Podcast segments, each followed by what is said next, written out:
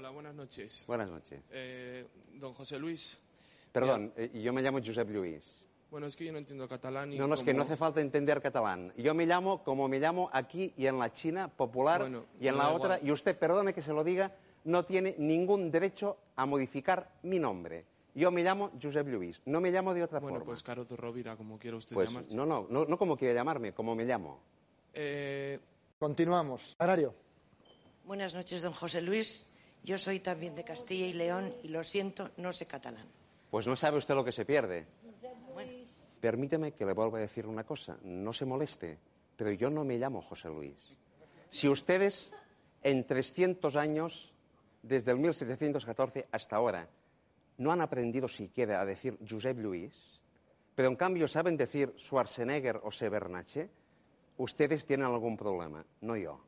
Ningún interés por aprender catalán. No yo. Gracias. Si ustedes no tienen ningún interés por aprender catalán, ¿cómo quiere usted que en Cataluña haya gente que se quiera quedar cómoda en un Estado que expresa este menosprecio por la lengua catalana que acaba usted de tener? Ya lo entiende, ¿no? Gracias, Agrario. Vam sobreviure a l'incendi, vam fer-li front al gegant, vam agafar aquell quadre i ballarem el ball, el ball del cap per avall. Paella congelar, falleres de cartró, aula rara de cremar, gomina i processó. Saluda al senyoret, escola de retors, el santa passejar, un beso y una flor, nos vamos a forrar, un fin d'en Benidorm, posar la mà i callar, platges de formigó, vivir así es morir de amor. Cantava Milans del Bosc, l'himne regional provoca llàgrimes, pàgines i pàgines d'un tràgic sainet que esgarra ànimes. Pas de passo doble al camp de futbol, alça la mà dreta l'afició a la curva nord, una discoteca enmig d'un camp d'arròs. Boquetes tortes a la terra de les flors, la geperudeta besant la moreneta. Vendetta. Vendetta i noves glòries en oferta, allà on el món s'explica en diminutiu, on plora la collita del seca i del regadiu, plou amb burrera, però sempre baixa buit el riu i una bandera talla com arma de doble fil. Vivim la vida de Gaidó, acabareu com el Pelletes al coll del món d'Uber al Penyagolosa i el Benicadé i el poble serà un martell o un pes mort. Vam sobreviure a l'incendi, vam fer-li front al gegant, vam suportar eixes bombes que encara ressonen per serres i baix. Vam defugir eixes normes, vam profanar els seus sants, vam agafar aquell quadre i ballarem el ball, el ball del cap per avall.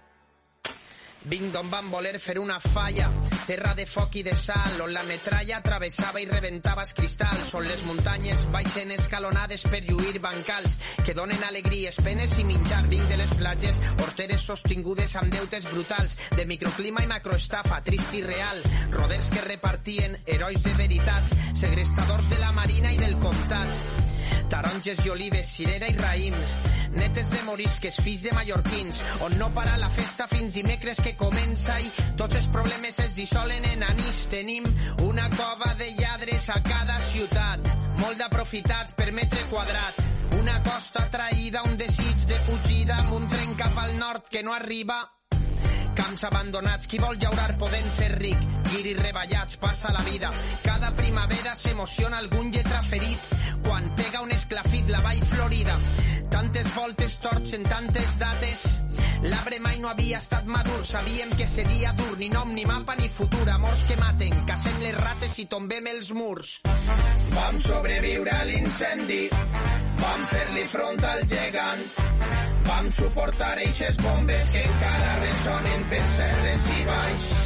Vam defugir eixes normes, vam profanar els seus sants, vam agafar aquell quadre i ballarem el ball, el ball del cap per avall.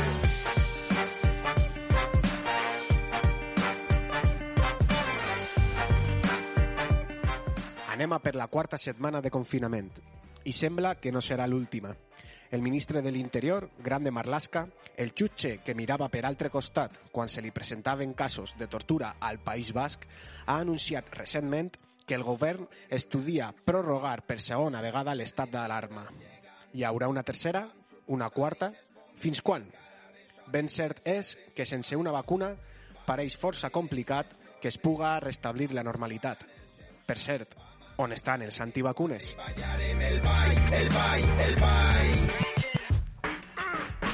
Del cap per avall.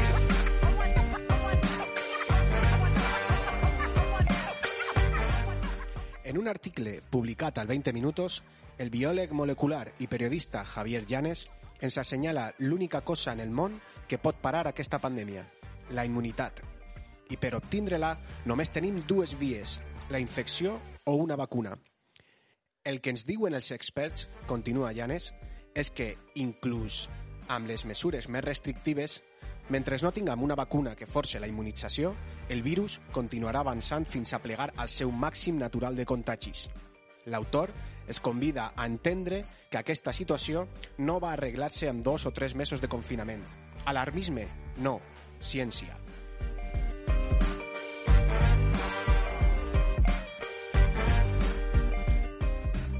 Passades tres setmanes, el confinament ja deixa empremta als nostres cossos i serveis, al nostre estat d'ànim. A les cames li falten passejos, als braços familiars que rodejar, als caps aire i als somriures cerveses que compartir amb les amistats. Ens sentim empresonats a les nostres cases. Hem perdut la llibertat de fer el que vulguem. Una instructiva conversa amb l'escriptor Manuel Martín Arroyo, professor a una presó de Cádiz, ens farà replantejar-nos aquest pensament. La quarantena ens està deixant mostres de lo millor i de lo pitjor que tenim com a societat. Totes les vesprades, la gent està eixint als balcons a aplaudir el treball que està realitzant el col·lectiu de sanitaris del nostre país. Inclús està titlant la seva feina d'heroica. Això és preocupant, ja que estem romantitzant una lluita que s'està fent en unes condicions lamentables. Que sí, que l'aplaudiment està bé, però lo normal hauria ser estalviar-nos aquests crits d'angoixa invertint en investigació i en el fortaliment de serveis públics, per aconseguir que els i les sanitàries realitzen la seva feina de la millor manera possible. Correm el risc d'obviar tots els anys de retallades que han fet anteriors governs en la sanitat pública. Tenim l'obligació moral de no perdre la memòria i evitar tornar a repetir els mateixos errors.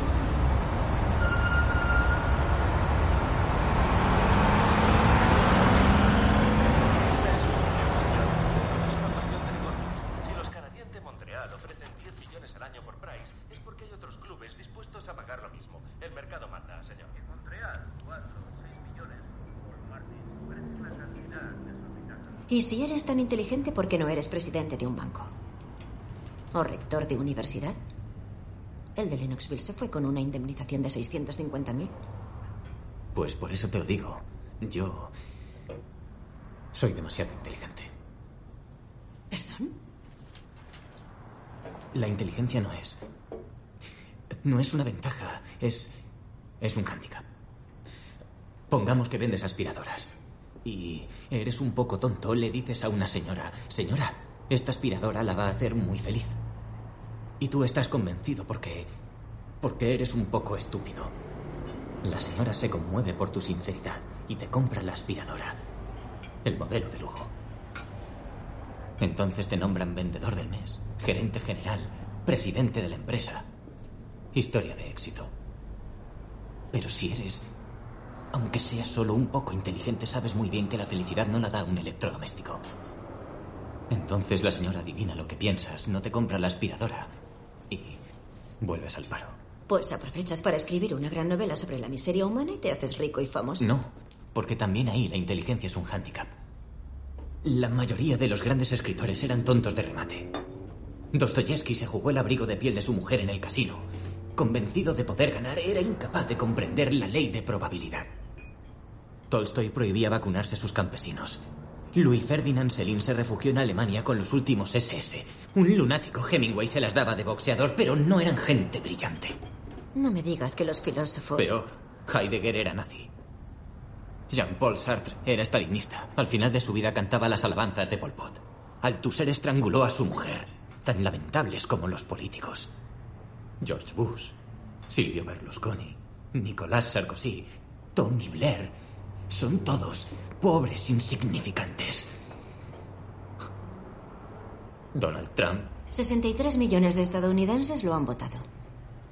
Lógico. Los imbéciles les adoran.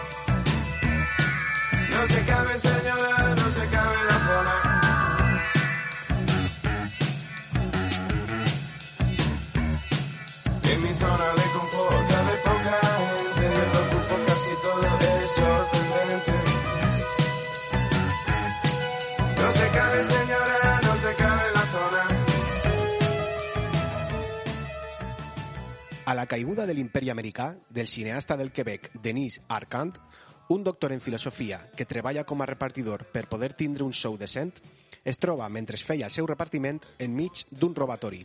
De sobte, als seus peus cauen dues borses plenes de diners, milions de dòlars. El protagonista es troba amb un dilema moral. Què fer?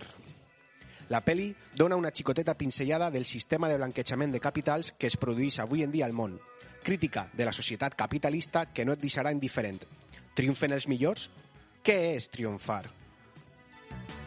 Dinero ven a mí, no me abandones. Dinero, relax y Rolex. Dinero ven a mí, no me abandones. Dinero, relax y Rolex. Lo importante es tener valores. Hi ha hagut gent demanant el Premi Princesa d'Astúries per a un evasor fiscal, plenant les xarxes amb les donacions ínfimes que fan esportistes famosos d'èlit. En definitiva, aplaudint gestos de caritat més que de solidaritat de rics que tracten de rentar la seva imatge pública. La donació més efectiva és la que fem tots i totes per aquestes dates en forma de declaració de la renda. La donació és una anomalia democràtica, ja que es produeix en un context on s'evadixen quantitats ingents de diners que haurien d'anar als nostres sistemes públics. Una de confort, relax y Rolex. Siempre habrá tontos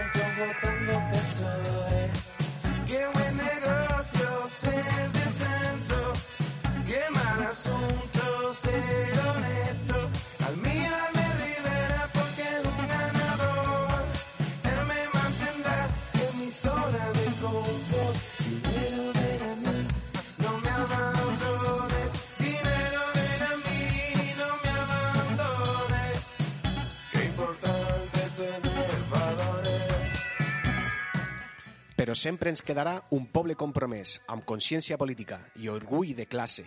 I se poble que s'alça per lo matí, se'n fa un cafenet, es posa al batí i s'al balcó i comença a pegar crits a tot Cristo que passa pel carrer. Segurament a una presó serien els xivatos.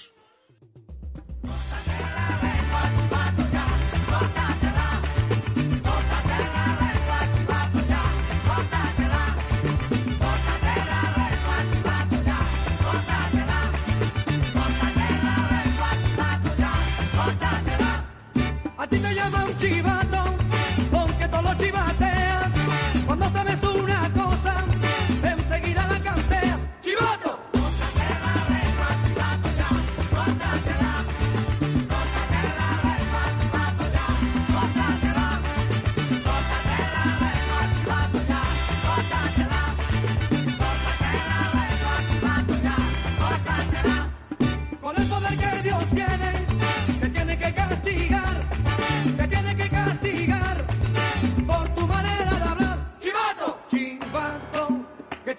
chivato!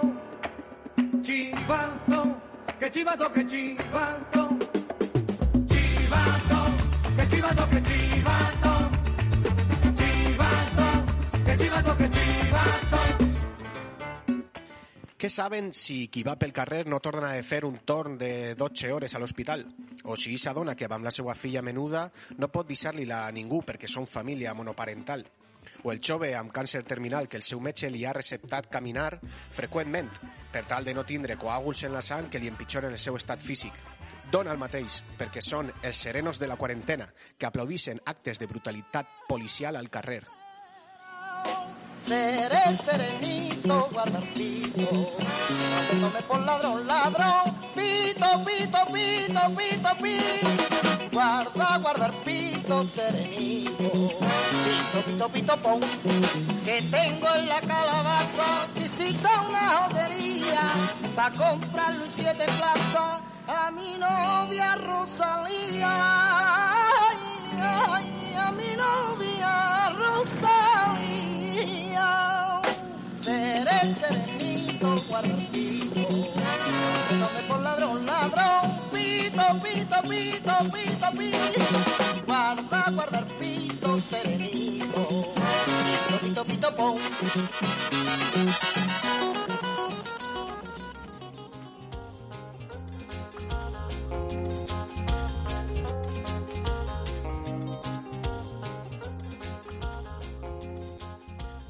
Diuen que d'aquesta crisi sorgirà una societat més solidària, menys individualista.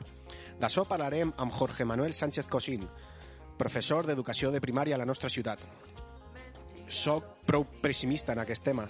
Mentre l'Estat no faci una aposta clara millorant els pressupostos destinats a educació, investigació, desenvolupament i innovació i ciències socials, augure un futur on les següents generacions continuaran desenvolupant-se com a persones en un sistema individualista que premia la competitivitat, l'ambició, la nula cura pel medi ambient i que lluita per mantindre els privilegis d'uns pocs front a la carència de la majoria. Mentira comanda.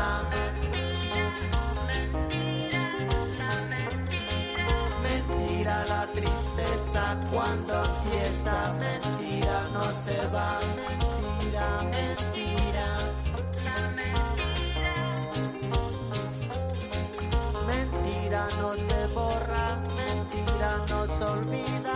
Mentira, la mentira. Mentira cuando llega, mentira nunca se va. La verdad.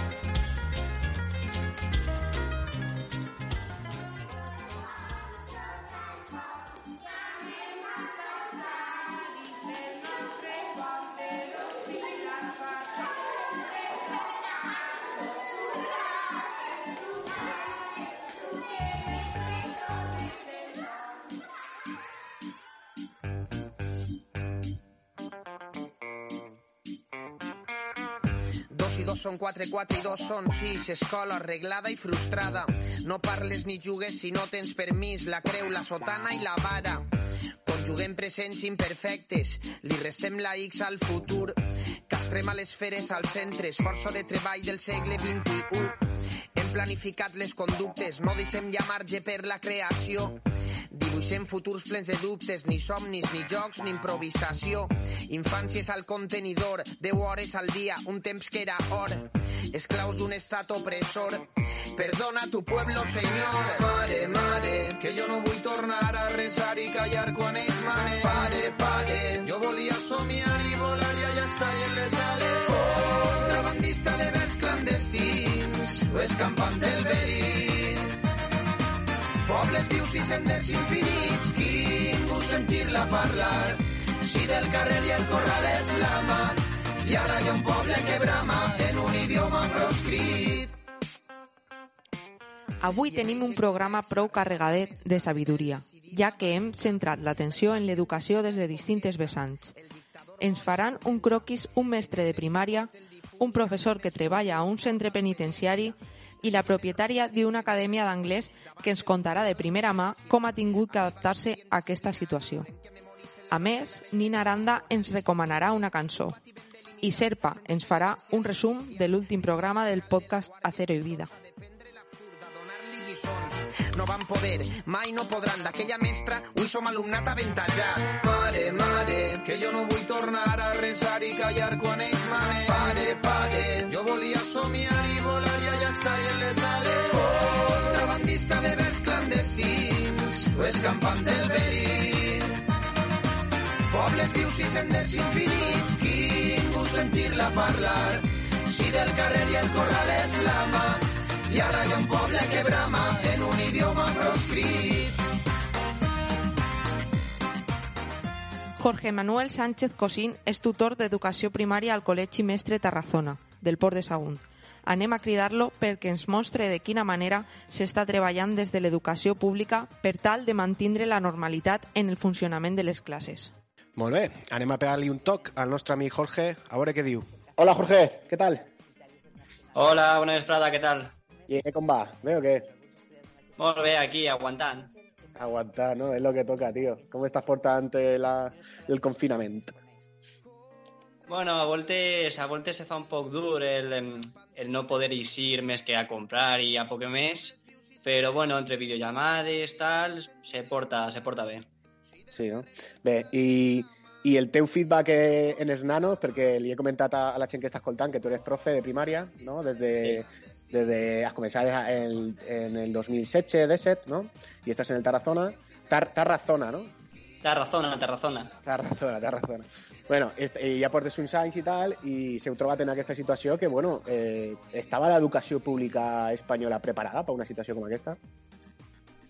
Doncs, bueno, a, a nivell eh, de la comunitat valenciana, perquè, clar, l'educació és competència, competència sobretot de la Generalitat, no estava, jo diria que no estava del tot preparada. És a dir, eh, mos ha agarrat la situació un poc eh, de colp.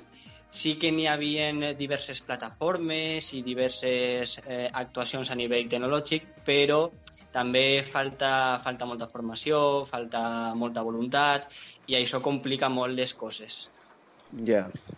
I què estan fent els nanos? I les xiquetes, què estan fent? De, de sobte se queden sense anar al col·le i anirem la setmana que ve, no? Tal, no sé què. I què, què, què estan fent? Sí, doncs mira, eh, nosaltres el que vam decidir eh, al principi del tancament és que aquesta setmana, que en principi seria la setmana de, de falles, en teoria, si tot eh, no, haguera, no haguera corregut com, com ha corregut, eh, la van deixar de, de descans, eh, un poc de, de festa per a que pogueren fer el que, que volgueren. A la setmana següent, que va ser esta que ja, ja ha transcorregut, doncs sí que van eh, manar una sèrie de, de tarees, de tasques, per diferents plataformes, que si vols ara te contaré quines són. I aquestes tasques són principalment un, una mena de repassar els continguts que hem treballat al primer i al segon trimestre. Mhm, Molt bé. O sigui, és ah, val, una mena de repàs. Bé, Mm. eh, bueno, pues, ja que estàs, eh, podries dir-nos que, que, quines tarees són? Vale, doncs sobre el que fem, per exemple, jo que sóc tutor de primària i dono les, les que són les assignatures de, de castellà, valencià, eh, matemàtiques, les ciències naturals i socials, el que, el que hem fet, bueno, parlo en plural perquè jo estic coordinant-me en la meva companya que som dos, dos cinquers i, i estem fent les mateixes coses. I mm, un poc les, les tasques van, per exemple, en matemàtiques, repassar el que és eh, eh, numeració, càlcul, els últims temes que estaven donant sobre fraccions, números decimals... És un poc treballar aquestes coses perquè sí que ens han recomanat i hem eh, acordat com a centre no adelantar continguts de, de lo que està per vindre en el tercer trimestre. En Castilla i València, per exemple, sobretot treballar a nivell de blocs de continguts. Per exemple, treballar l'expressió escrita, que és un, un aspecte on els xiquets tenen moltes dificultats. Ara anem a treballar la comprensió lectora, es manarem textos per a llegir, notícies, eh, textos argumentatius. I en les ciències hem intentat donar una, una pinzellada més lúdica i, per exemple, treballar a través de maquet, de fer maquetes, de, de les cèl·lules o del virus, que precisament és el tema en el que estàvem i ara pues, és, eh, està molt de moda. I, i no res, simplement treballar de forma més lúdica i sí que repassar eh, tot el que hem fet anteriorment, tant de socials com de naturals. Clar, pues ara tu me dius que no, no, no aneu a adelantar eh, material, matèries, eh, i, i clar, aleshores s'estem trobant en, en, en, en un moment de, de, de la nostra... bueno, o, o de...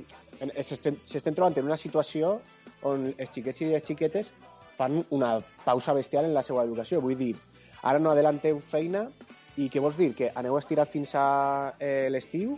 Se para ahir? Eh, com, com està el tema? Com reprendreu l'activitat? Doncs estem a l'espera perquè, clar, en un principi eh, l'estat d'alarma està convocat fins a l'11 d'abril, no sabem si s'allargarà més, probablement el més eh, probable és que si tornem a escola serà a partir de, de maig, de principis de maig. Clar. Si tornaríem a escola a principis de maig, ens quedarien aproximadament dos mesos, no del tot, però quasi complets, per a poder treballar i fer, i fer alguna cosa. En aquests dos mesos sí que se podria fer un, un repàs o un, una aglutinació de continguts del tercer trimestre i no afectaria tant al, a, a lo que és el desenvolupament i la, i la progressió dels xiquets. Si no podríem tornar a escola ja i se tancara el curs, sí que eh, afectaria més el que tu estàs dient, que seria una, una paràlisi brutal per a la progressió dels xiquets. També Clar. és de veres que el currículum és molt progressiu i és molt repetitiu i tot el que no se fa un any se sol repetir l'any que ve en més profundiment. Aleshores, tampoc és un problema molt greu, però, clar, al cap i a la fi per- perdre un trimestre sí que pot afectar d'una manera als xiquets. Clar, perquè tu, sigui, eh, in- inevitablement eh, estem a tope connectats en la info que estàs seguint, en, en la tele, en internet, en tots els mitjans, perquè pensàvem que anàvem a, a desconnectar, estant a casa, tal, i estem més connectats encara, no? Estem ahí a tope. Aleshores, tu escoltes notícies que diuen, hosti, val, eh, acaba l'estat d'alarma en dues setmanes més, bé, però n'hi haurà vacuna? Eh, com se recuperarà la gent que s'ha contagiat? Vull dir, bé, s'acaba l'estat d'alarma, tornem al col·legi. Quines probabilitats n'hi ha, no?, de que se contagien una altra vegada, no?, els nens i nenes. Per això que és, és una, una indefinició de com està la situació que, que suposa que el que tu estàs dient, que, hosti, com anem a reprendre? Però bueno, me quedé més tranquil si dius que això, que, que com és eh, progressiu, a l'any que ve pues, se, se poden reprendre temes, que sí que serà com, com, un, com un caure, diguem-ne, dins de la seva progressió, però que se Mhm. poden tornar a alçar l'any que ve, no?, els xiquets, en, en quant a l'aprenentatge, no? Sí, clar. Eh, una, esa és una de les coses més positives que n'hi ha, que fins i tot posant-nos en el, en el punt més negatiu, que seria tallar el curs, eh, no tornar a escola el que queda i ja no tornar fins al curs que ve en setembre, eh, el currículum, al ser repetitiu, ens donaria l'oportunitat de l'any que ve eh, lo que no s'ha donat durant el tercer trimestre, recuperar-lo perquè és molt progressiu i va a poc a Vale. poc i va augmentant la dificultat. Ok, bé, anem al tema de, de bueno, e-learning, no sé si serà e-learning, perquè a la fi connecteu els xiquets i xiquetes i, i li doneu el, el material que, que ens has explicat ja. Però, clar, ara se trobem en una situació en què se poden aguditzar le- les, diferents, les diferències entre, entre classes socials, diguem-ne. Perquè, clar, anem a tindre famílies monoparentals en casa, en la qual, si la mare o el pare treballa, com, com s'ho tenen que arreglar. Eh, anem a tindre pares i mares que potser no estan treballant però no tenen cap formació acadèmica, que el grau d'ajuda que li poden donar al seu fill o filla pues, va ser mínim. Eh, anem a tindre eh, xiquets i xiquetes en espais eh, on, on estudiar que per, per la seva economia no, no fomenten no? aquest aprenentatge. Vull dir, eh, tu què creus com a profe, si, si, si creus que, que se van aguditzar o no eh, aquestes diferències o, o esteu treballant en aquesta línia per tal d'evitar-les? Doncs eh, és, jo penso que és inevitable, és un poc el que, lo que tècnicament se coneix com la, la, bretxa, la bretxa digital. Sí que, sí que es nota a casa de, de les famílies que tenen més recursos i, per tant, eh, poden, di- poden disposar d'un ordinador o dos o tres o tablets o smartphones i, Clar. per tant, eh, poden dedicar un d'aixòs aparells al xiquet i estar més eh, pendent de les tasques, mentre que si, per exemple, només n'hi ha un ordinador en casa i està ocupant-lo el pare o la mare perquè treballa, perquè fa teletreball en casa, no pot dedicar-li el temps que, que vulguera al xiquet eh, en les tasques que li envies tu eh, com a mestre telemàticament.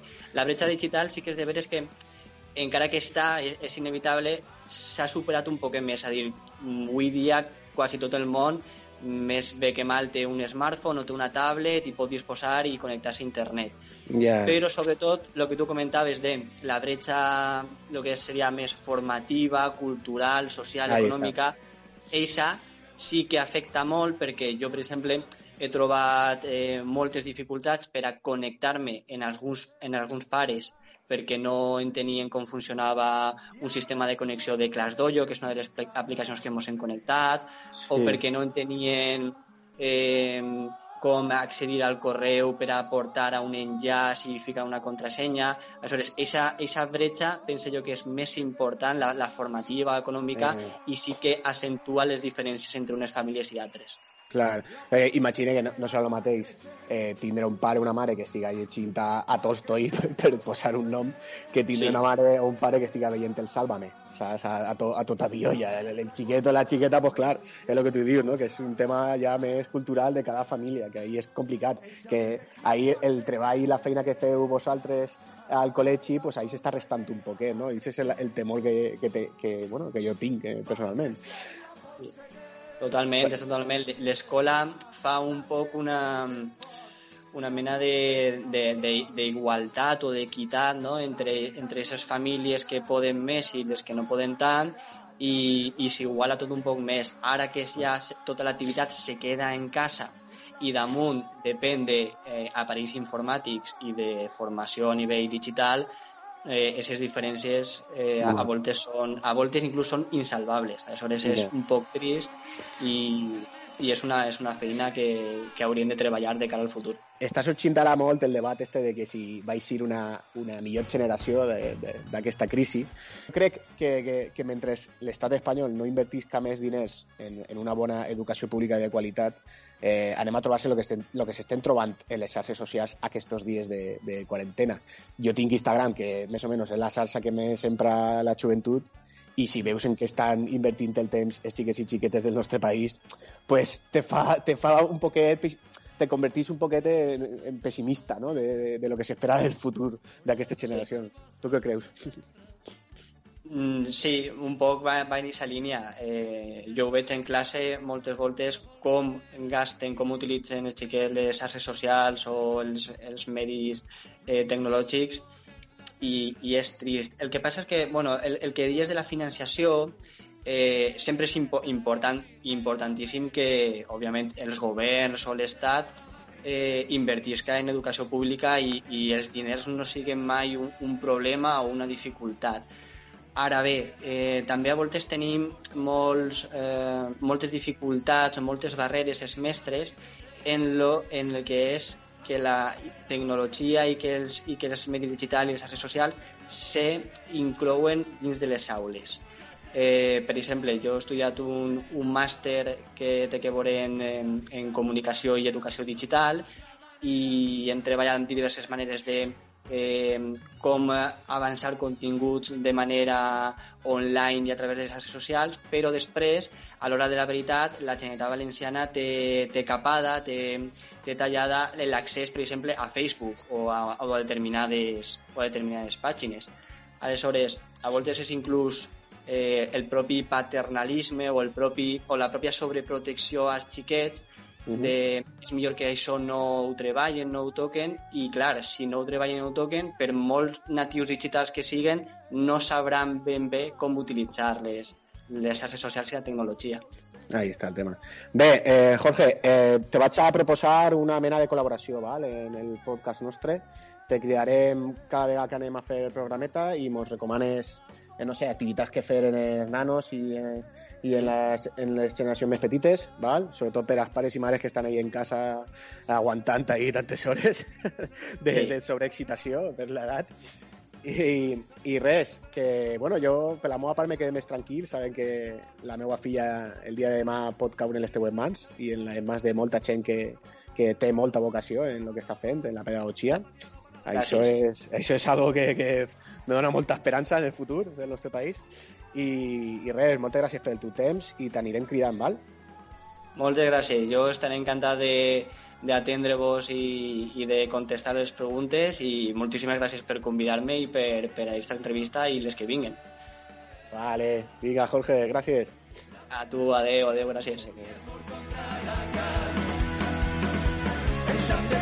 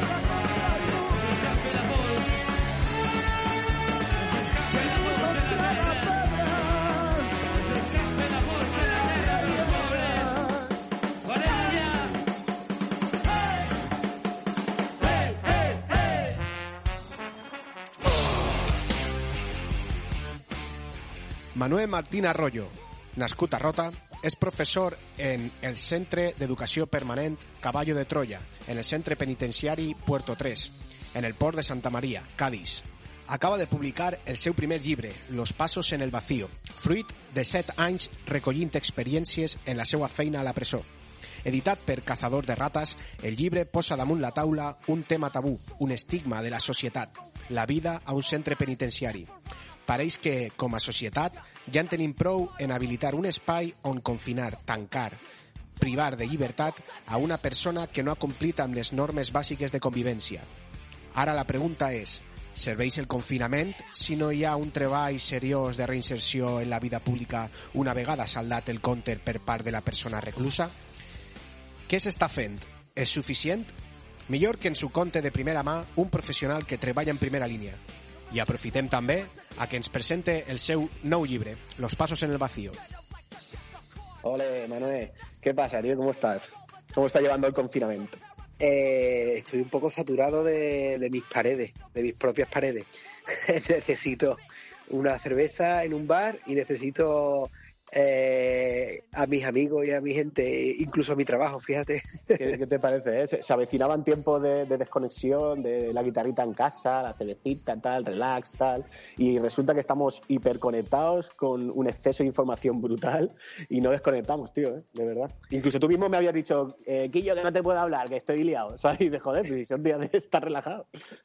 Sí, además eh, el exceso de información muchas veces es, bajo mi punto de vista, perjudicial de cara al, al espectador.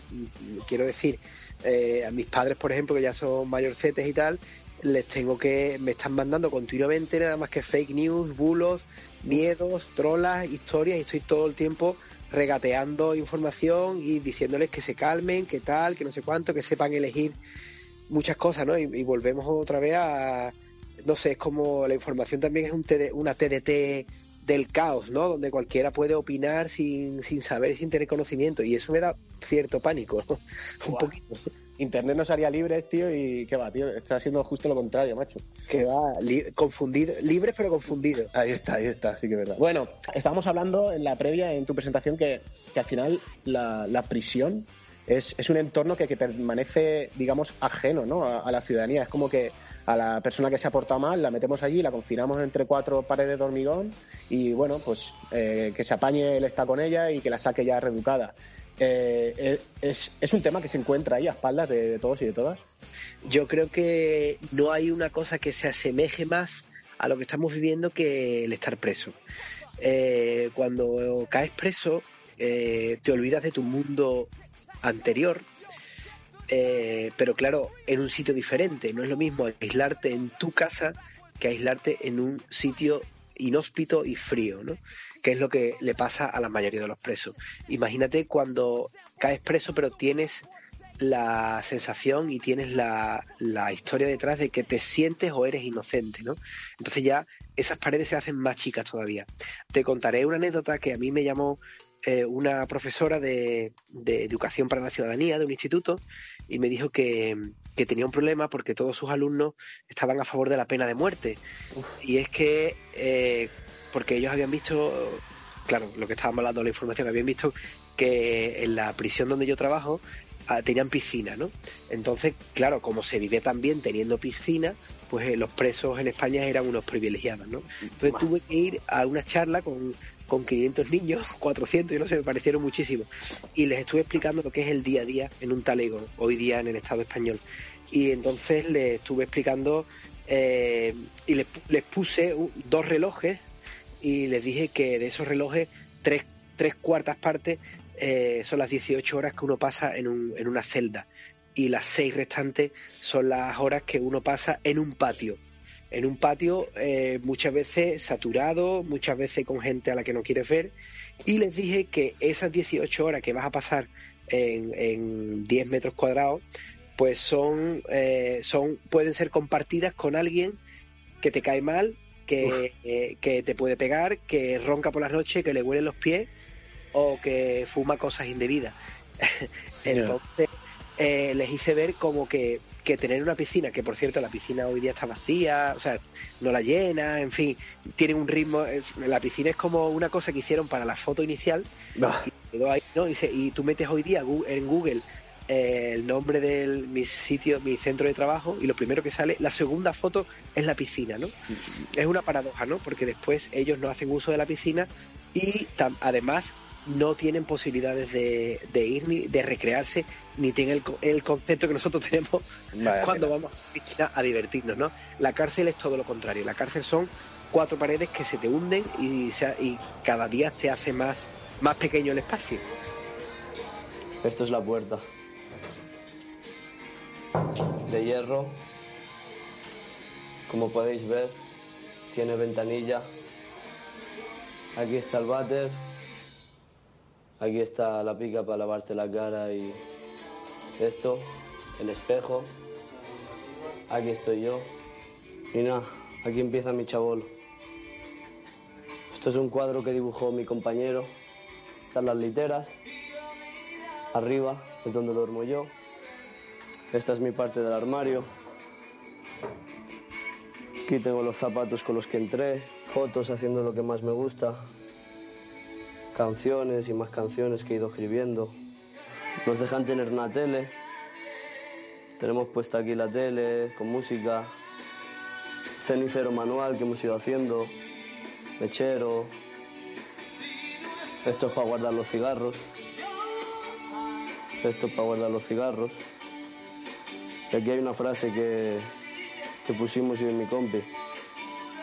No despiertes al preso de su sueño, porque soñando está con la libertad. Y aquí sale módulo rojo, celda 28. Esto es la ventana. Tiene cinco barrotes, como podéis ver. No se ve nada. Pero bueno. Esto es el hecho de estar encerrado. Hablando de, de tu faena de, de profe, ¿cuántos años llevas como profe? De docente, ¿vale? No, no en la prisión. Sí, no, de docente, pues desde el año eh, 2001, 2002 aproximadamente.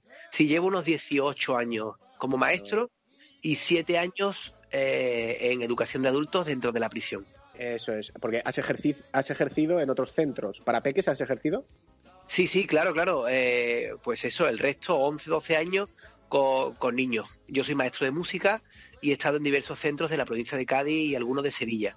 Y bueno, pues eso, en primaria, desde, desde 5 añitos hasta 11. Y es mi vocación, mi vocación, vamos, yo estudié para ser maestro de primaria y me encantan, flipo con los niños, me gustan mucho. Y los de menos, hay que decirlo. Muy bien. Y llevas siete en la prisión, en Puerto 3, y me, ¿hay mucha diferencia entre la manera de dar clase a, infantil o dentro de, la prisión? Pues mira, eh, la prisión cambia todo. la prisión, eh, lo digo en mi novela, somos todos unos actores, ¿no? Desde el maestro que entra hasta el funcionario y sobre todo los actores principales que son los presos. Eh, es verdad que la labor docente, pues, hombre, muchas veces explico las tildes o las multiplicaciones o la historia de lo que sea y es verdad que, o sea, los contenidos, la- el aspecto formal eh, no cambia, ¿no? Muchas veces. Pero sí es verdad que eh, estando en la prisión cada día es una puta aventura porque te puede pasar eh, algo que te cambia el camino que tú tenías pensado para ese día. Yo hay días que he llegado con trabajo, con ganas de hacer, venga, comprensión lectora, venga, hoy vamos a aprender a dividir, hoy vamos a aprender geografía, tal, y de repente te cuentan una situación o una historia y tú tienes que hablar de otro concepto, del concepto de solidaridad, el concepto de amistad, el concepto de justicia, el concepto de la política. Nos sentamos y, y hablamos de unas cosas básicas, que para mí son básicas, pero para ellos desconocidas, ¿no? Y ellos al mismo tiempo me dan lecciones de otras cosas de la vida. Entonces hacemos una mesa redonda y, y te digo la verdad, son momentos muy hermosos, momentos muy de aprendizaje. Y a, y a nivel, es como una relación por parte de ellos pro- eh, propositiva muchas veces, ¿no? Que son ellos los que te lanzan a ti, ¿no? El, el- el- el reto, ¿no? A, a la hora de, de entablar Claro, te- ten en cuenta, ten en cuenta que aquí jugamos con una historia que es el, el- eh, vamos, a- hablando abiertamente, el tema de la droga, ¿no? Eh, en la provincia de Cádiz y en diversos puntos de España, eh, el tema de la droga es un punto caliente, el, el- la bahía de Cádiz, el Bajo Guadalquivir, y entonces el, no te- el 70% es delitos relacionados con el tema de la droga, ¿no? Es verdad, es la verdad. El amor es fuerte, pero la droga es una bomba. Es una bomba. Es una bomba explosiva, vamos. La droga, hasta donde llega la droga, Dios mío. Una pasada. ¿Cuándo te decidiste a vender drogas? ¿Y por qué? por la necesidad. ¿Qué haces? ¿Cuesta a tus niños sin comer? ¿Un día, otro día, otro día? Que vaya al colegio sin zapatos, que te quedan unos libros, no tiene. Pues mucha pena por una madre. Pues claro, eh, ellos van a clase, muchas veces van a clase habiéndose tomado la metadona, que para mí, que yo soy de familia bien, vamos, familia bien es hijo de maestro y siendo maestro, yo me considero familia bien, familia bien dentro de la cárcel, imagínate, ¿no? Pero claro, eh, gente que ha consumido o viene de consumir metadona, ¿no? Y, y- o, o- o sigue traficando, o sigue, sigue dándose patas en el culo por un, por un gramo de lo que sea, ¿no? Entonces, a mí es un concepto, yo si, si cayera preso, mi primer objetivo sería la libertad. ¿Cuántas veces has intentado escaparte? Intentar, he intentado muchas, pero me he escapado nada más que 19. ¿Lo has intentado cuántas? 100. O más. Más. O más. Yo pensaba nada más que en evadirme, estar en la calle, estar con los míos y estar con los míos. Y, y cada vez que estaba en una, entraba en prisión, nada más que me pidieran la documentación, ya estaba pensando en evadirme otra vez, porque no aceptaba lo que había allí dentro. Y me rebelaba contra el sistema. Pero hay gente que la, la cárcel la tiene como un, tristemente como una forma, un paso más en su vida, ¿no? Eso y, y eso es, es la tristeza, ¿no? Tristemente he con- he conocido gente que te dice que están mejor dentro que fuera. Y eso es un fallo del sistema. Y cuando digo sistema, me nombro a mí y nombro a, todos mis políticos y nombro a, a- a- todo, a, a- o sea, a toda persona que tenga capacidad para maniobrar y para ejercer.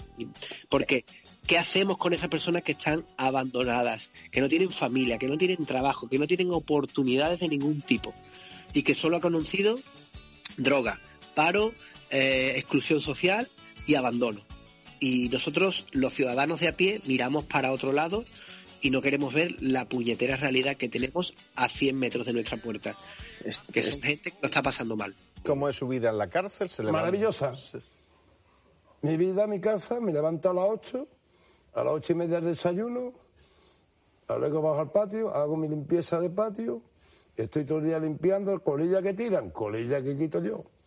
Y estoy todo el día, a las una y media, la comida, a las dos, a dormir la siesta, hasta las cuatro y media, bajaba otra vez al patio, hasta las ocho y media, ya está, Miren qué bonito. No tenía que preocuparme de nada. ¿Por qué quiere entrar en la cárcel? Quiero entrar porque quiero estar con ellos. ¿Haciendo qué? Haciendo, dándole consejos y quitando que no quiero que en mi casa entre nadie, ya está. Que es mi casa, donde yo nací. Yo tengo una persona muy allegada que pasó por Picasen y con el tema de la droga y, y fíjate, para hacer el, el programa este, pues estoy con la duda de si pegarle un toque o no, porque no sé si voy a remover un pasado que no quiero. Es, es como eso, un, tema tabú, eh, que en vez de hacer por reinsertar, eh, digo el conjunto de la sociedad, ¿eh? y mira que yo soy allegado a esa persona, no, eh, lo tenemos así como en, en- B, ¿no? Eso no, no queremos tratarlo. ¿no? Claro. Sí, sí, es normal, es normal también. Hoy día haber estado preso o haber sido drogodependiente es una losa muy grande. Sin embargo, haber sido militante del PP es un orgullo, una cosa un poco extraña, pero bueno. Vaya tela. En fin, sí. Bueno, vaya, vaya, vaya, vaya tela. Vamos entrando. He intentado meter ahí. Es que tú tiras un poquito para la izquierda. A ver, entrando al libro, eh, llega un momento que, que se nos presenta a- al preso político, digamos, a José María. Tenemos a- al de los delitos comunes, que sería el negro, el gitano, ¿no? Y al, accident- al accidental, que es Luis, ¿no? Que por, eh, eh, por un impulso de ayudar a, a un- a su hermana, ¿no? Ante un caso de agresión, en, la pareja, pues mira, acaba con los huesos dentro de la cárcel. Eh, una vez dentro está Luis y le surge la necesidad de, de- de formarse bueno, de seguir estudiando para, para- yo pienso que para no perder ya la cabeza, para enfrentar esa situación, pues puede ser incluso como un hilo de conexión con el exterior, el seguir estudiando. Nos explicas eh, la diferencia en cuanto a niveles que hay, ¿no? Supongo que te encontrarás personas que, son directamente analfabetas, tendrás otras que están formadas, tendrás otras que son delitos de sangre, otras que serán comunes. Eh, ¿Cómo articula la institución esa separación de, niveles? No sé cómo lo hacéis. Hace cuatro o cinco años, eh, en nuestro programa informático de la Junta de Andalucía, teníamos, clasificábamos a los alumnos, pues teníamos alfabetización, nivel 1, nivel 2 o secundaria. Entonces, nivel 1, para que os hagáis una idea, es una especie de cuarto de primaria, ¿vale? Y nivel 2, pues primero de la ESO, sexto de primaria, una cosa así. Todo muy relativo, ¿vale? Lo que te estoy hablando. Pero teníamos una pestañita que era alfabetización. Claro, y ahí metíamos a todos los analfabetos, que tenemos dos grupos bastante numerosos de analfabetos y otro de español para extranjeros. Entonces, eh, de repente, hace tres o cuatro años, nos quitaron esa pestañita en el programa. Ya no existen analfabetos. La- los analfabetos los teníamos que matricular en el nivel 1. ¿Por qué? Pues no lo sabemos. Pero claro, después, al poco tiempo, los políticos empezaron a decir que en nuestra tierra no hay analfabetismo co- Ala. cosa completamente falso. Habían quitado, los muy cabrones habían quitado la pestañita donde se matriculaba a los analfabetos. Entonces, nuestros alumnos que son analfabetos y son muchos, los matriculamos en nivel 1, que son ya, bueno, pues lectores, gente que sabe hacer ciertas operaciones, en fin, un nivel muy básico, ¿no? Pero Sí. entonces nos anularon eso, ¿no? Con lo cual te quiero decir, hay una serie, una especie de hermetismo con ese tema. Eh, el nivel educativo en las prisiones, por lo menos eh, eh, en esta prisión donde yo estoy, en el puerto de Santa María, es un nivel muy bajo. Son gente que en sus estudios han, han fracasado, han, han, han dejado, te estoy hablando a nivel general, ¿no? Por lo que nos encontramos. Gente que mm, tiene nociones básicas, pero mm, cuando empezó el instituto ya empezó a flojear y con 16, 15, 16 años abandonó los estudios y se dedicó a otro tipo de cosas. Ese es por lo general lo que nos encontramos. Y después nos encontramos gente que considera la educación como una cosa, como un pilar básico en su vida y quiere seguir formándose. Y, entonces el protagonista de mi novela decidí que mi personaje iba a tener una válvula de escape a través de la lectura. ¿no? Eh, me llama mucho la atención como eh, en la prisión donde yo estoy hay más de 15.000 libros, son todos donaciones, no, no sé, la, la prisión no se gasta un duro en libros, son todos donaciones y, y- y me, me llama muchísimo la atención el, el poco ritmo que tiene la biblioteca. Eh, son muy pocos los alumnos que, y los internos que solicitan leer, ¿no? Y ahí y encontramos mm, auténticas joyas en la, en la biblioteca, pero sin embargo no tienen ese afán de lectura como no es que yo lo tenga, pero eh, o sea, tengo mi, mi afán de lectura básico y tal, Sí. leo, me gusta mucho leer, pero, pero claro, si estuviera preso, creo que de las cosas que más estaría haciendo, por no decirte la que más, sería eh, la lectura, ¿no? Y en ese tema me llamaba mucho la atención la, la poca, el poco nivel de lectura. Acabas de, de publicar el libro, que, que lo estamos tocando así por encima. Eh, ¿Qué pasa? Eh, te pasas ahí años en, en Puerto 3 haciendo de profe, vives unas experiencias, supongo, que te habrán marcado y, y te llevan a, escribir el libro. Eh, lo de escribir un libro siempre te había llamado la atención porque me estás contando que si fueras preso te, te merendabas la, la biblioteca entera. Supongo que no algo ese gusanillo siempre lo has tenido ahí, ¿no? Y, y- y supongo que habrá sido la chispa ¿no? que, que te ha aprendido para escribir el libro, ¿no? El ser profe allí dentro, ¿no? Sí, totalmente, tú lo has dicho, hace una mecha, muy bien definido. Eh, la verdad es que mm, yo siempre, me ha gustado escribir, siempre me ha gustado leer, y bueno, soy de letra, no soy de ciencia, y, me entusiasmaba esa historia, ¿no? De repente, cuando empiezo a trabajar a- en la prisión, a los tres años me doy cuenta de que llevo ya dos cuadernos apuntando anécdotas de cosas que me pasan, de caras que veía todos los días, de situaciones que yo estaba viviendo, de frases que me decían, de, de gente que no quería que se me olvidara. Y cuando empecé a hilar todo eso y a darme cuenta de que de que ahí había una historia, ¿no? Y que, y que yo tenía muchas cosas que decir. Una amiga me dijo, hombre, porque le confesé después del segundo vino, me digo, me digo, oye, estoy escribiendo. Me dice, hombre, es normal. Después de lo que tú ves todos los días, es normal que empieces a escribir. Y entonces mm, me animó, me animó a, a- a- a escribir. Ahí lo está. que pasa que lo que pasa es que me di cuenta de que de que estoy chocando contra el sistema y cuando digo sistema lo digo en mayúsculas y en negrita. Yo que soy un- un- una mota de polvo, me, estoy da- me, me he dado cuenta de que bueno que he batallado contra un sistema que, que tiene los tentáculos muy grandes, ¿no?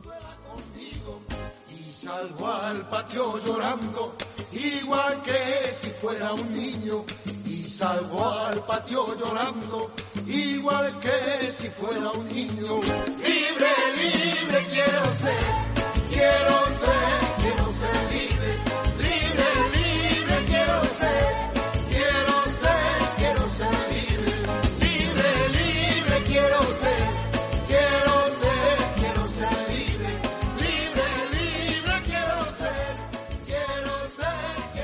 Ese momento que te cambia la vida, que, que te priva de libertad, que lo encontramos cuando, cuando Luis va a casa de, de Miguel, el cuñado. Y eh, me- me- se me asemeja mucho el cómo la mascletá, digamos, que yo soy valenciano, la mascletá de, de acontecimientos que se suceden a ese momento, ¿no? Me recuerda mucho a, ya, ya te lo dije, creo, eh, me, me recuerda mucho al extranjero de Albert Camus. Eh, De Albert Camus, es que no sé pronunciarlo, tío. Camus. La- el, Camus.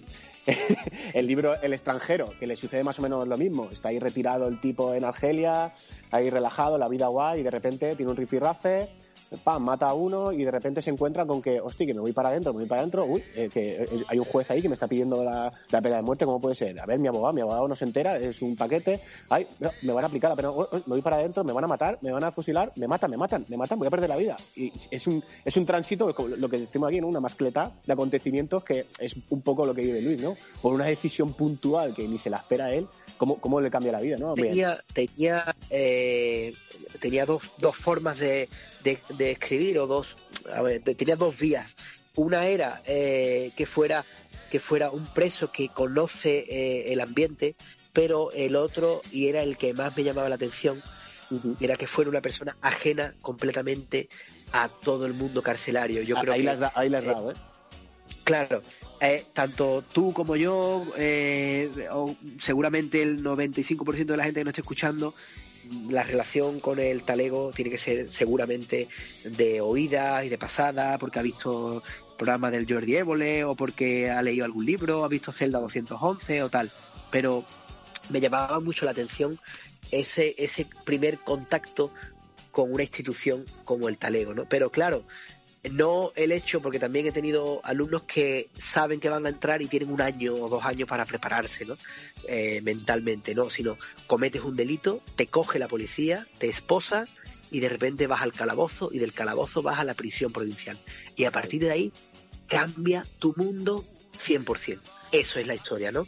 Eh, una persona que no tiene nada que ver, que es un estudiante de una barriada normal, una familia sin, sin mucho que decir, sin, sin bastante gris, pero de repente entra en la prisión y empieza a oler, empieza a ver los caretos de los funcionarios, empieza a escuchar cómo se cierran las puertas, empieza a saborear una comida que no es la suya, el café no es el suyo, su cepillo de dientes lo dejó atrás, no tiene un cepillo de dientes, eh, lo miran por encima del hombro, encima por el delito que comete, claro. Entonces, eso también al mismo tiempo me llamaba mucho la atención. eh, no sé si habéis visto en, las ima- en, en la televisión, cuando en los telediarios, cuando Iñaki Urdangarín va a declarar, se llega en su coche con chofer, entra en el juzgado, después lo su chofer, o, o cualquier político o cualquier tal, no sé cuánto, que sale y me llamaba mucho la atención como un, un uno que va a estar preso llega al juzgado eh, arropado por un grupo de gente que le intenta tapar, después sale, lo intentan tapar, lo meten en un coche, le agarran la cabeza.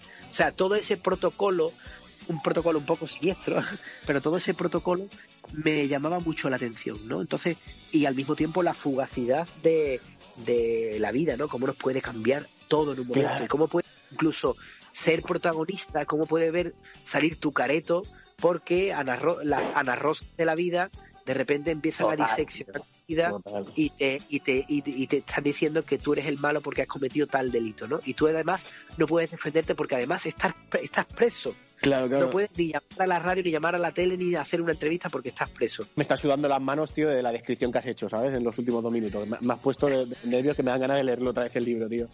Eh, claro, yendo al libro, claro, Luis no viene de robar 3 millones de euros. Luis eh, viene de enfrentarse a un elemento que pertenece a las fuerzas y cuerpos de seguridad del Estado.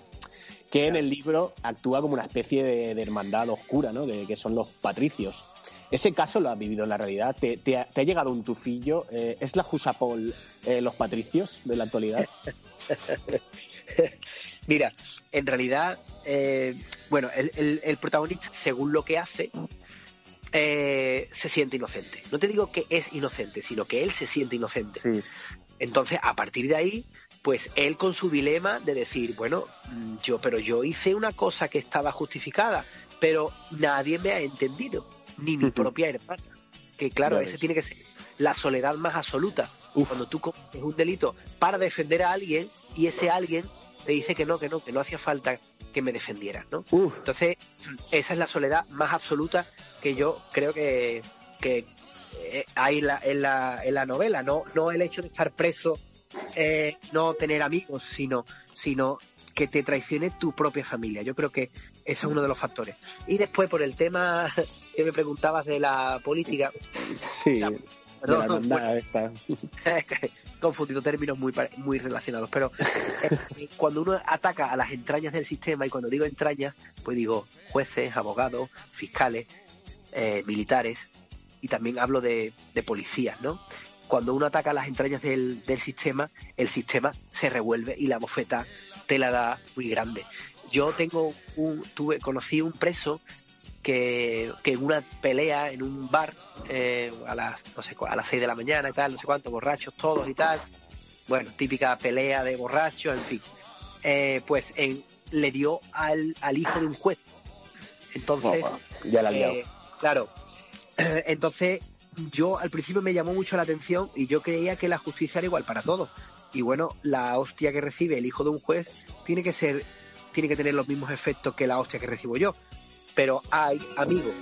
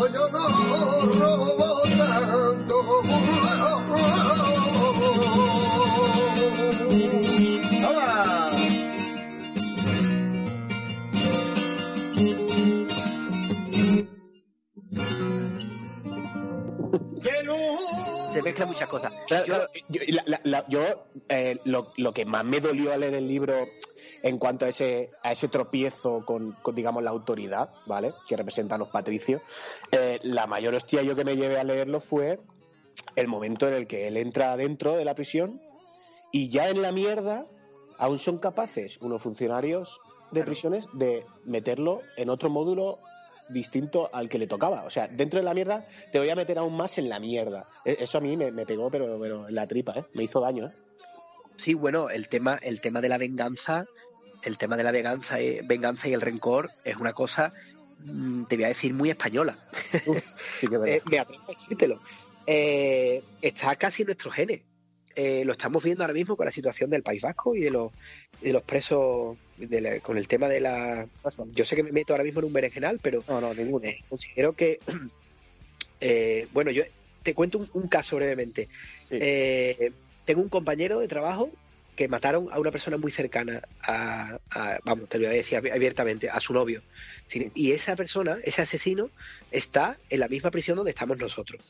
Es decir, eh, y, y hablo de la provincia de Cádiz, a- está a 30 kilómetros de su casa. De- sin embargo, tengo un alumno que por quemar un autobús le cayeron 18 años y está allí por terrorismo y está a mil kilómetros de su casa. Y, y sí es verdad que, que son dos varas de medir. ¿Y quién tiene la culpa de esas cosas? ¿Quién hace que esa persona, por quemar un autobús y 18 años en primer grado, a mil kilómetros de su casa, eh, La siga política, con- ¿no? Lo, Eh, digamos. hab- hablamos de política, hablamos de venganza también, ¿no? Venganza, Hablamos sí, de- claro. y, y yo soy capaz, y todos somos capaces de ver los dos lados del, del conflicto. Porque cada vez que he conocido a una persona, a un preso maravilloso, y ahora ya no hablo de política, hablo de presos comunes, ese es común entre comillas, de gente que ha violado, ha matado o ha hecho pederastia, y tú eres capaz de empatizar con ellos, de solidarizarte con ellos y de incluso darle un abrazo y decirle, venga tío, no sé cuánto, anímate, venga, va, tal, no sé cuánto. Y de repente te acuerdas del otro lado. ¿Te acuerdas de la otra persona, de la violada, del, del, del el que, el que, el que sea, ¿no? Del, del muerto, ¿no? Del- o de la familia del muerto, ¿no? Sí. Y entonces, eh, eh, yo me voy a mi casa muchos días con la sensación de que soy muy parcial o de que no estoy siendo justo, porque a lo mejor eh, la sociedad quiere ver a ese pederasta colgado de un puente. Sí. ¿Sabes lo que te digo? Pero Sí, sin sí. embargo, eh, también considero que estar preso es el mayor castigo que tiene nuestra sociedad y que esa persona quizás se merezca una segunda oportunidad. O quizás le hagan falta no un abrazo, sino 30 abrazos. Y de gente y tal, y, y- y psicología, y educación, y cultura, y respeto. Cosas a lo mejor que yo he tenido, pero que esa persona a lo mejor no ha tenido. ¿Sabes? Pero es que Pues- rizando el resto, Sí. he conocido gente que son eh, universitarios, gente con sus carreras, bueno, he tenido alumnos médicos, eh, inspectores de Hacienda, tal, no sé cuánto, que están allí por violar menores. Y de repente eres capaz de decir, tío, lo has tenido todo en la vida. Lo has tenido todo en la vida, eres una persona ejemplar, has tenido tu familia y de repente has cometido el delito más atroz que hay en la sociedad, ¿no? Eh, ¿Qué te mereces? No, yo lo pienso y, y- y lo pienso y me da y cuando los veo lo- los miro y les digo ¿qué te mereces, tío? ¿Qué te mereces? Que yo esté aquí eh, educándote, culturizándote, poniéndote vídeos, enseñándote de no sé cuánto, riéndome de tus gracias y tal, o te, te mereces lo que el resto de la sociedad quiere para ti, ¿sabes? Y entonces me doy cuenta de que estoy en un túnel muy oscuro. mía, Qué situación, tío. Claro, es una situación muy jodida. Se habla, se habla en el libro de, de palez- de palizas y de, de violencia policial o por parte de funcionarios de prisiones. Amnistía Internacional sitúa a España en la lista de países donde existe la tortura. Ayer mismo, Pastora Filigrana en TV3 daba la, de la definición de tortura. Decías en un tuit esta semana que estas agresiones encajan con la definición de tortura que hace la ONU. Es una comparación muy fuerte esta.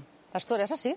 Lo que vemos en algunos de esos vídeos son actuaciones policiales desproporcionadas, es decir, no, no están proporcionadas para el fin que tendría la actuación policial, que se supone que es la detención de, de las personas que están, bueno, infringiendo la normativa, pero se exceden de ese fin y aparte de, intentar la detención, lo que intentan es castigar, imponer un castigo y ese castigo lo convierten en una violencia física o verbal. Esta es la definición efectivamente de, de tortura que hace eh, Naciones Unidas y que incluso el, el Código Penal del Estado español lo contempla así. Este daño intencionado que se le realiza a la persona para castigarla. Eh, ¿Te has encontrado a, a muchos Luises que hayan sufrido eh, esa tortura o esas palizas y prefieran callarlas por temor a represalias? Bueno, pues todo, todos sabemos, vamos, y, y no es ningún secreto que en la, que en la cárcel hay violencia. Eh, simplemente por el hecho de que lo hay en la sociedad, o sea, en la sociedad libre lo hay, ¿vale? Entonces es, es evidente, como evidente, o sea, que dentro hay violencia, ¿vale? Eh, yo lo he visto, yo lo he vivido y, y me lo han contado ellos también, aparte, y, pero que no es ningún secreto. Evidentemente, el gobierno, la institución te va a decir que no. y, si, y que si hubiera previas, pruebas que se pusieran sobre la mesa. Evidentemente, estas pruebas no existen porque el circuito cerrado de la televisión nunca sale fuera.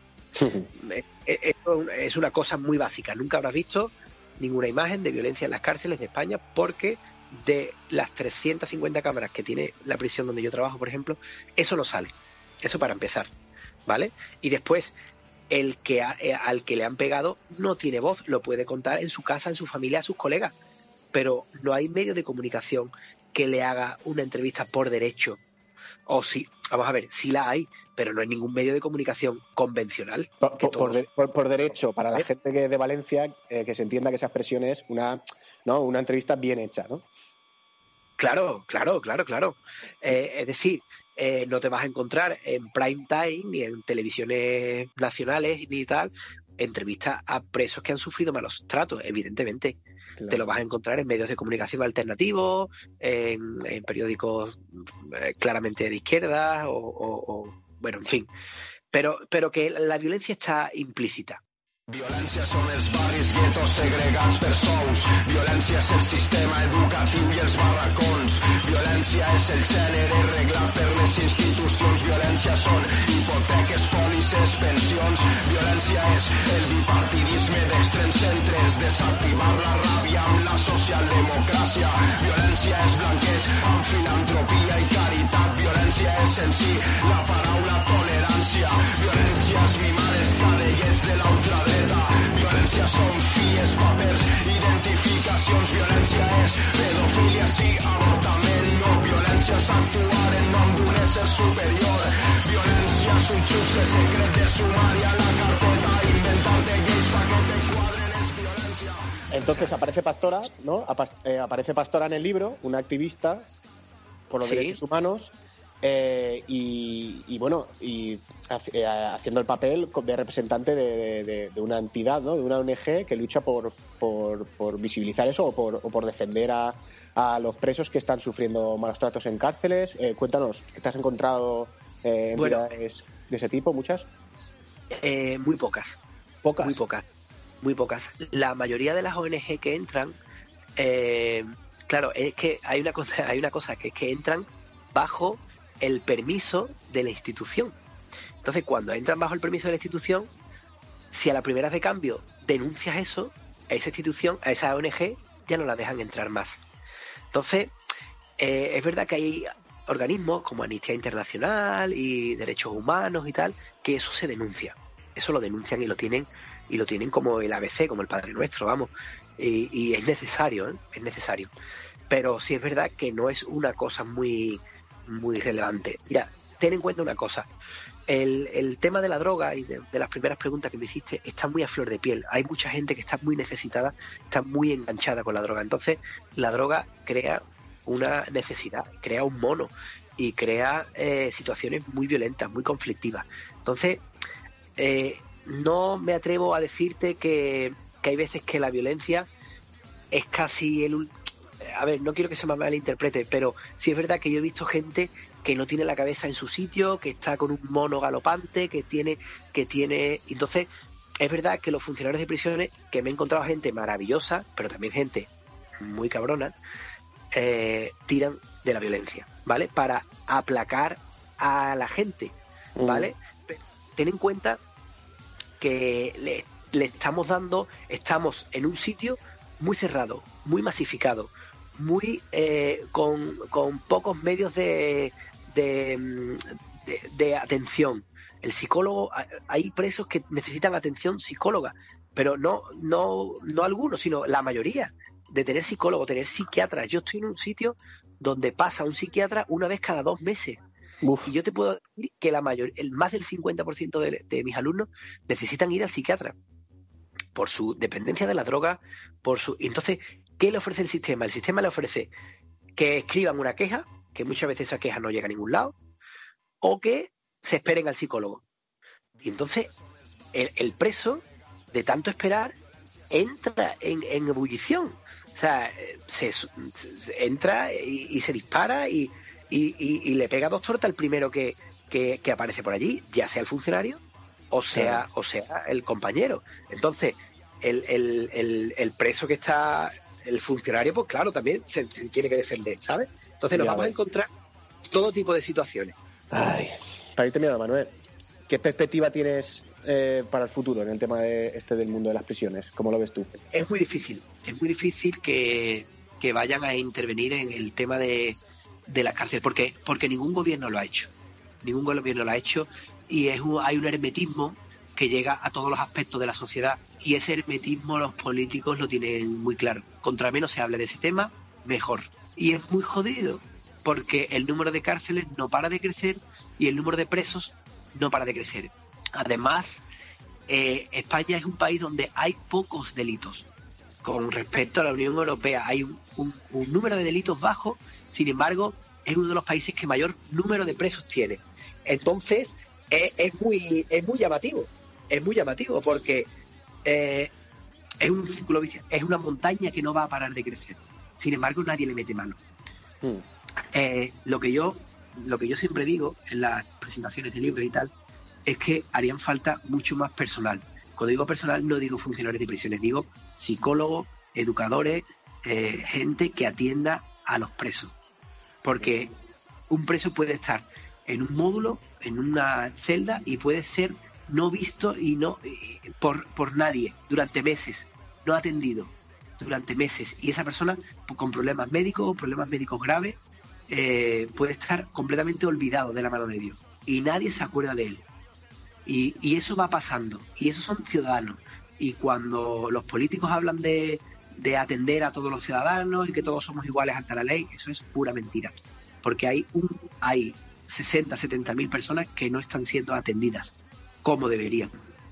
Y eso es lo que a mí me hierve la sangre. Y por eso, en realidad, parte del, motivo de la novela es por eso, porque son los grandes olvidados y, y- son vecinos nuestros, que no se nos olvide, que no se nos olvide, son vecinos nuestros eh, y compañeros de, de- de faena, de todos nosotros. No, no había manera mejor de cerrar la conversación, Manuel, con esta, con- que con esta conclusión. ¿eh?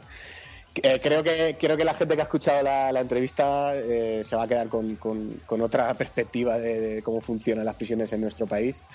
Y nada, pues espero que mucha gente más como tú, tan implicada en, en ese proceso de reinserción, eh, vaya llegando a las cárceles y, vaya trabajando en, la mejora de, su situación, porque al final lo que tú dices, son gente que, queramos o no, eh, viven con nosotros, podemos ser nosotros también el día de mañana, quién sabe, no, no sabemos la vida lo que nos puede deparar, y, nada, una sociedad pues eh, siempre va a ir a mejor si todas las personas que pertenecen a ella están bien cuidadas. Muchas gracias, Manuel Martín.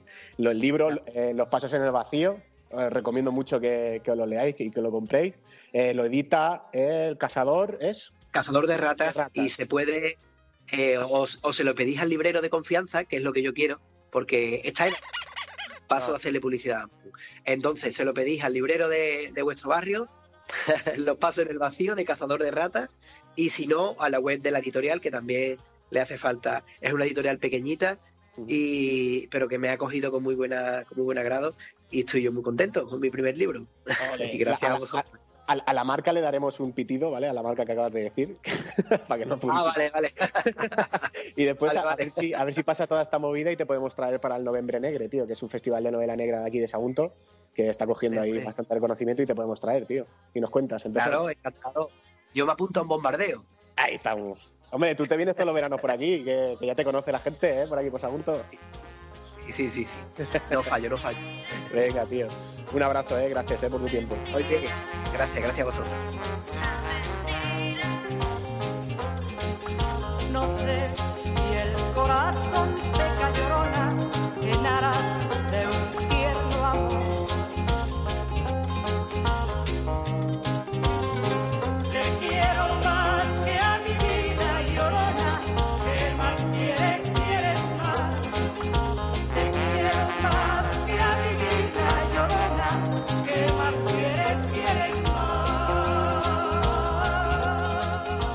La nostra amiga Nina Aranda comença a col·laborar en nosaltres i cada setmana va a dur-nos una cançó que ha descobert.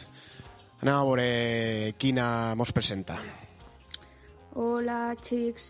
La cançó que vos vaig a recomanar avui és una cançó africana que es diu Bara, que la vaig descobrir en Spotify, en el descubrimiento semanal, i me mola molt perquè té un ritme així molt, molt africà, com he dit, i me dona molt de bon rotllo, així que espero que la disfruteu. Un beset.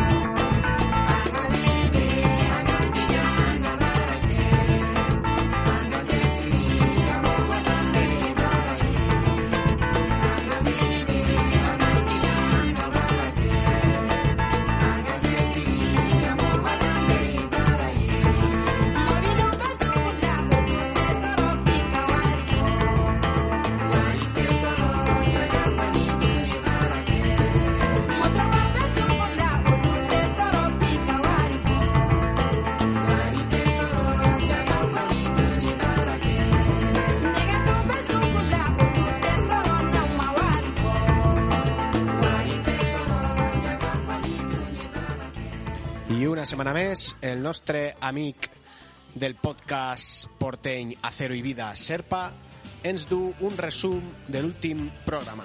A veure què diu. Está querido, pues sí, a ver, esta semana tenemos dos horas y pico de programa. Va completito, completito. Tenemos noticias fresquitas con una nueva mini sección que es la noticia de la semana, que es un notición imprescindible. Vamos a hablar eh, vía telefónica con Juanma Verdugo, que es presidente de APROSAM, una asociación eh, por la salud mental, que lo están pasando realmente mal ya de normal, pero con esta situación más. Vamos a tener en la entrevista de la semana a Suki Urbex, que es un explorador y amigo que se dedica a visitar sitios abandonados. Un, privilegio, un auténtico placer tenerlo aquí. Además, el canal de YouTube es espectacular, con un montón de seguidores. Vamos a tener, música para subir un poquito el ánimo. Vamos a tener los All Style, esos establecimientos viejunos con muchas risas y por lo demás la tontería y el disparate de siempre. Ah, bueno, y una píldora de ciencia que la gran Isa Cordero nos va a hablar del número pi, ese número tan raro que solo los genios entienden, pues nos lo va a hacer entender y todo. Y por lo demás la tontería y el disparate de siempre. Ya os digo, eh, rozando los 90 programas, porque es el 89, más de dos horas y ya os digo yo que no vais a aburrir porque va a estar súper interesante. Y por supuesto, referencia obligada a otros po- podcast hermanos como Morvedre no calla. Venga, un abrazo. Moltes gràcies, Sherpa, i recordeu que teniu que subscriure-se al podcast Acero i Vida.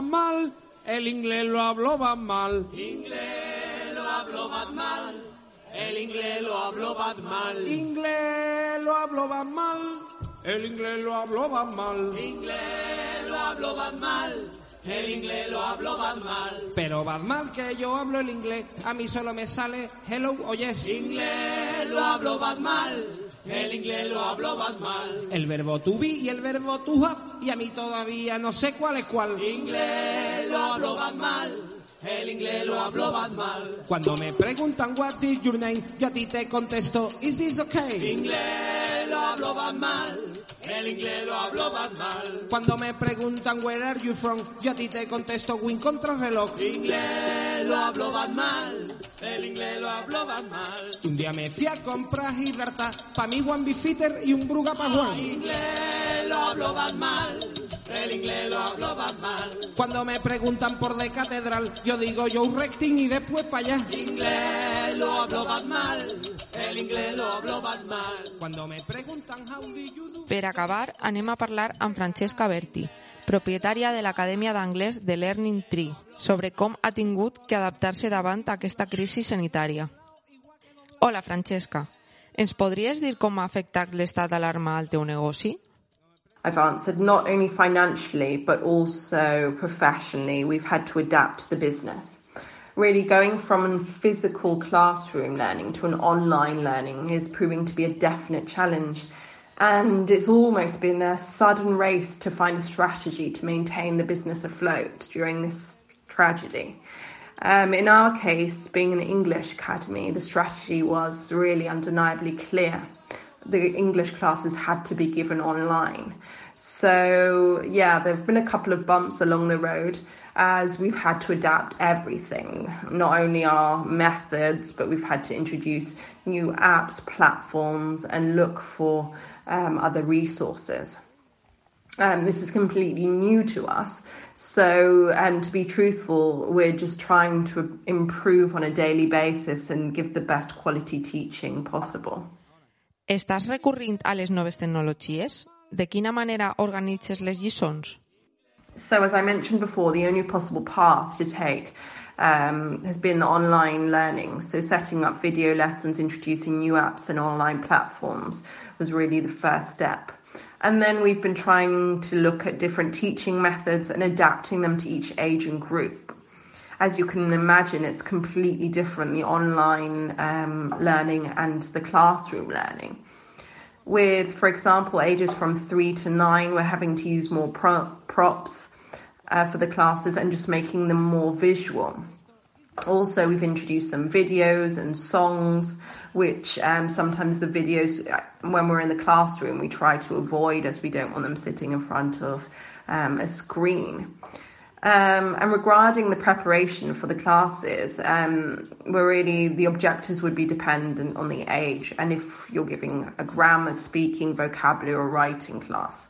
For example, if I have a grammar class for um, nine, eight to nine year olds, um, some of the questions or doubts I could have um, could be how do I make them understand the concept? um, which activities could be done to make them understand the concept, which speaking activities could be dynamic for online teaching, or how am I going to evaluate the students? Um, so, yeah, so those are some of the questions I think about. Creus que aquesta experiència et servirà per diversificar en un futur el teu model de negoci cap a un major ús del e-learning i les noves tecnologies? Someone not so long ago in a meeting mentioned the business prospect of doing a cl- doing classes online, and um, I have to say I did shrug it off, and I, I kind of just went, no, no, we haven't got time for this. Um, but as it turns out, this person has a marvelous talent of foreseeing the future. So, um, so here we are with the classes online. And as an education centre, I had introduced the e-learning, e-learning concept two years ago um, when I started to get the students to bring in their computers to the academy and do exercise on the computers and start doing listenings and readings just because it made it easier for us for correction purposes and etc. Um, surprisingly, some of the older students didn't know how to manage a computer. Um, it just obviously um, at university or in the future, it just seems such a basic computer. Sorry, computer skills are such a fundamental tool. And I think obviously if they were um, able to bring in computers at school and obviously use them responsibly, it would be a great advance in education. Uh, needless to say, this experience has really opened my eyes to e- e-learning, and uh, what is more, um, we'll be looking at new ways to implement um, this type of method in the business in the future. Estaries interessada en col·laborar amb el nostre podcast amb una secció sobre el bon ús de l'anglès? Be definitely interested in collaborating in a new podcast. I think it would be really interesting to give information about the use of English, about interesting facts about English culture, etc. So, yes. Moltes gràcies, Francesca, pel teu temps i esperem que la situació millore i que tingues sort en el futur. Vamos a otra. Venga, otra vez. Inglés lo hablo Batman, el inglés lo hablo Batman. Me dicen que es fácil, que es fácil el inglés. Que sepan que yo me cago en sus des. Inglés lo hablo Batman, el inglés lo hablo Batman. Inglés lo hablo Batman, el inglés lo hablo Batman. Inglés lo hablo Batman. Molt bé, doncs tanquem aquest programa amb aquest exercici de listening que esperem que hagi servit per practicar un poc l'anglès. Com bé ha dit Francesca, en cada podcast tindrem una breu secció dedicada al seu perfeccionament. Moltes gràcies per escoltar-nos. Cuideu-se. No us cau al carrer per fer tontaes i no sigueu xivatos. Inglés lo hablaba mal, el inglés lo hablaba mal. Inglés lo hablo Batman, el inglés lo hablo Batman. Inglés lo habló mal, el inglés lo habló mal. Inglés lo hablo Batman, el inglés lo hablo Batman. Pero Batman que yo hablo el inglés, a mí solo me sale hello o yes. Inglés lo hablo Batman, el inglés lo hablo Batman. El verbo to be y el verbo to have, y a mí todavía no sé cuál es cuál. Inglés lo hablo Batman, el inglés lo hablo Batman. Cuando me preguntan what is your name, yo a ti te contesto, is this okay? Inglés lo hablo Batman, el inglés lo hablo Batman. Cuando me preguntan where are you from, yo a ti te contesto win contra reloj. Inglés lo hablo Batman, el inglés lo hablo Batman. Un día me fui a comprar Gibraltar, pa' mí Juan Bifitter y un Bruga pa' Juan. Inglés lo hablo Batman, el inglés lo hablo Batman. Cuando me preguntan por de catedral, yo digo yo un recting y después pa' allá. Inglés lo hablo Batman, el inglés lo hablo Batman. Cuando me preguntan how do you do, yo a ti te contesto, se carajo. Inglés lo hablo Batman, el inglés lo hablo Batman. Me pongo las pelis subtítulas, me quedo doblado igual que doblar. Inglés lo hablo Batman, el inglés lo hablo Batman. No me pre da igual. Vamos a hacer otra. Venga, otra vez. Inglés lo hablo Batman, el inglés lo hablo Batman.